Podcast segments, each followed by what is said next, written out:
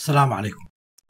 نكمل الحلقة الأخيرة عن شرح مبسط للنظرية النسبية الخاصة والعامة لأينشتاين. وصلنا بحلقة يوم أمس أنه أينشتاين يقول أنه الفضاء منحني أو مقوس. الحركة به تكون منحنية أو مقوسة. لكن إذا قبلنا بهذا الأمر سوف يكون هناك استنتاج منطقي. ماذا يعني؟ يعني أن الفضاء محدود. على سبيل المثال إذا خرج شعاع ضوئي من نجم ما وهذا الشعاع النجمي صار بطريق منحني فإنه مؤكد سوف يعود إلى نفس النقطة اللي خرج من عندها بعد ملايين السنين. يعود أخيرا بعد مئات ملايين السنين من آه، نقطة انطلاقة يعود إلى نفس انطلاقة المكان اللي انطلق به إذا كان الفضاء منحني. بالضبط حالة حال السائح اللي مثلا يفتر حول الكرة الأرضية سوف يعود إلى نفس النقطة اللي انطلق بها. إذا بالحالة لا لا يمتد الكون في الفضاء إلى ما لا نهاية ولكن الكون محدود. لكن مع ذلك هذا الحد لهذا الكون لا يمكن تحديده لا يمكن تحديد تلك الحدود. مع ذلك من بين جميع الاكتشافات العظيمة العلمية التي قام بها أينشتاين كانت لكل أفكاره أهمية خاصة عن النظرية الذرية. النظرية الذرية هذا النظرية اللي اكتشفها أينشتاين كان لها أثر جدا كبير على عالم اليوم. عندما نشر في آه، الصحيفة آه، الألمانية مقالة الأول عن النسبية الخاصة ثم العامة صحيفة التقويم السنوي للفيزياء حملت نفس الصحيفة مقال قصير لأينشتاين. في هذا المقال يطيل فيه عن النظرية النسبية يطيل من هذه النظرية إلى أبعد مما كانت عليه. كان عنوان المقال هل يتوقف القصور الذاتي لجسم ما على طاقته؟ أكد أينشتاين. على حقيقة مهمة أنه من الممكن استخدام الطاقة الذرية ولو نظريا على الأقل ويمكن إطلاق هذه الطاقة كيف؟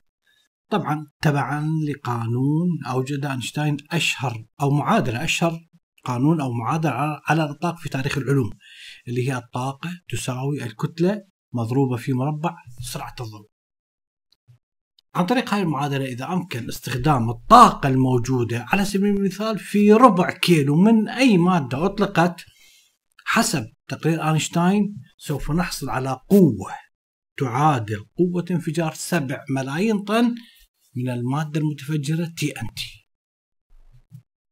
وكما قال أحد المعلقين لولا معادلة أينشتاين لتعثر العلماء في تجاربهم على تفتيت اليورانيوم.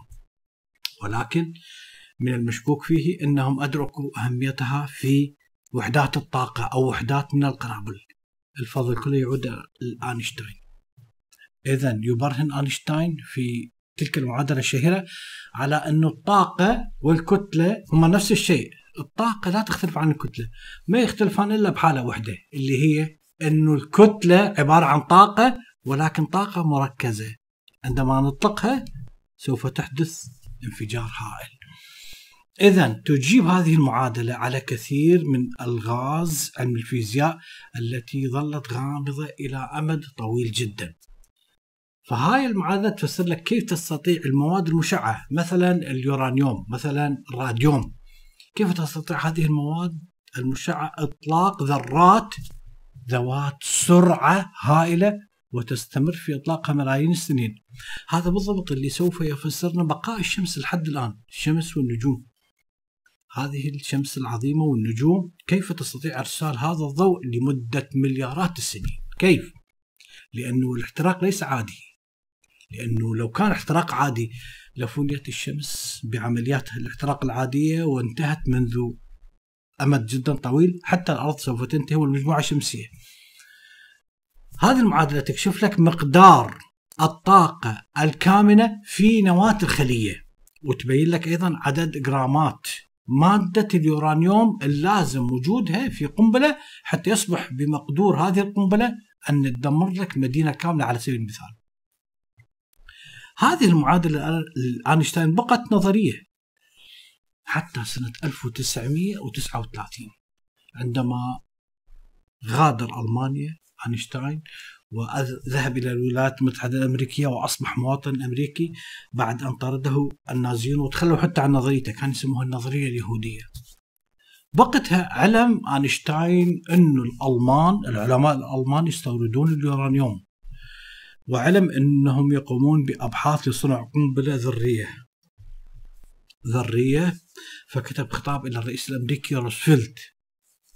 الرئيس الأمريكي في وقتها روزفلت يقول له وصلتني نسخة خطية عن أبحاث حديثة يقوم بها العلماء الألمان تجعلني أتوقع أن عصر اليورانيوم قد حان.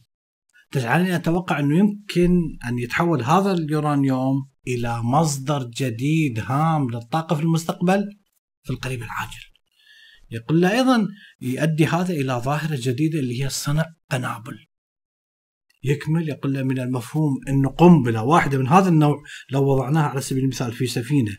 فهذه القنبلة ممكن تدمر لك ميناء بالكامل بل أنه تدمر حتى المباني المحيطة بهذا الميناء.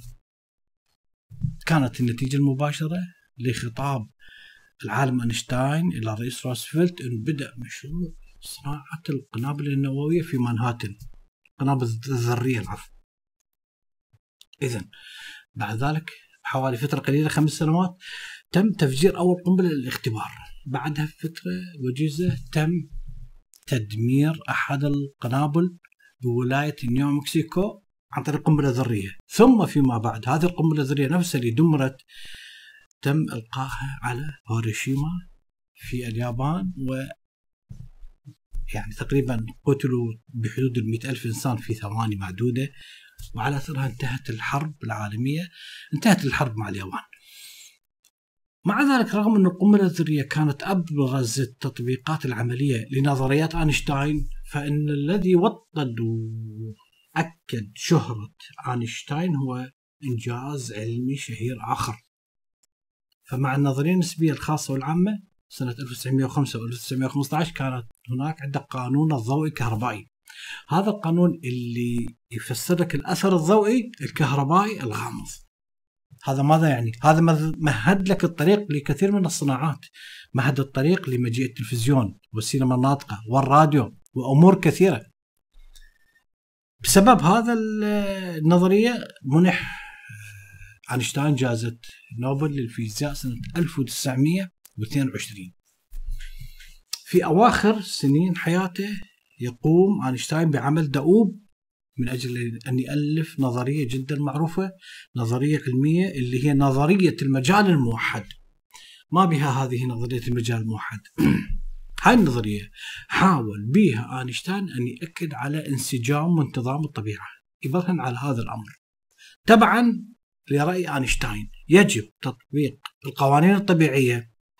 هذه القوانين الطبيعية. يجب أن تطبق للذرات الدقيقة على الأجسام السماوية الضخمة. بمعنى أنه مجال هذه النظرية الموحد يدمج لك كافة الظواهر الطبيعية في قاعدة واحدة. يعني عند أينشتاين الجاذبية الكهربائية المغناطيسية الطاقة الذرية هاي بأكملها قوة ممكن أن نحصرها ممكن أن نجمعها في نظرية واحدة. سنة 1950 بعد أبحاث دامت أكثر من جيل قدم أينشتاين. هذه النظرية العلمية للعالم. في وقتها عندما تم تقديم هذه النظرية عبر أينشتاين بأنه مفتاح الكون موجود في هذه النظرية لأن هذه النظرية تجمع لك في فكرة واحدة.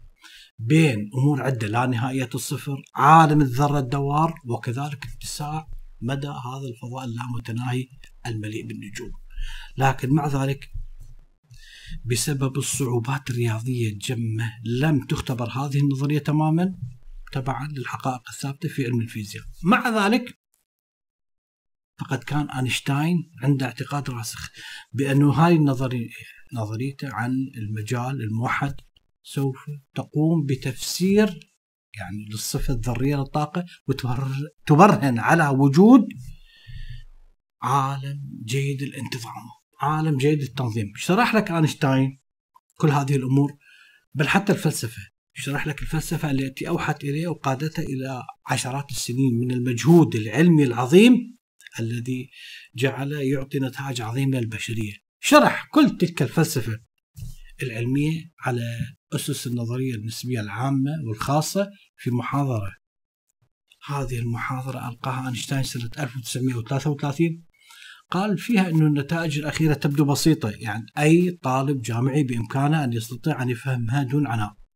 لكن سنوات البحث في الظلام عن حقيقة يشعر بها الإنسان لا يمكن التعبير عنها. الرغبة الشديدة تبادل الثقة الشك في الأمور العلمية هذا أمر صعب جدا على المرء بحيث يستطيع أن يفهم بوضوح كل هذه الأمور، هذه الأمور ما يعرفها إلا الذي يمارسها فقط. الذي يمارس هذه الأمور وبصعوبه جدا يستطيع أن يفهم هذه الأمور. اذا في مناسبة أخرى قدم آينشتاين موضوع مهم اللي هو يأكد لك على الناحية الروحية العميقة للطبيعة بقوله إنه أجمل وأعمق عاطفة أو انفعال يمكن أن ينتابنا هو الإحساس، هناك إحساس بدافع خفي. هذا الدافع الخفي نحو وجود شيء غامض. هذا الشيء الغامض هو الذي يبذر بذور جميع العلوم الحقيقية. أخيرا اعترف لك أعظم العلماء بانه أينشتاين كثير من العلماء بل تستطيع أن تقول كل العلماء اعترفوا بانه أينشتاين صاحب سيطرة عظيمة على دنيا العلوم.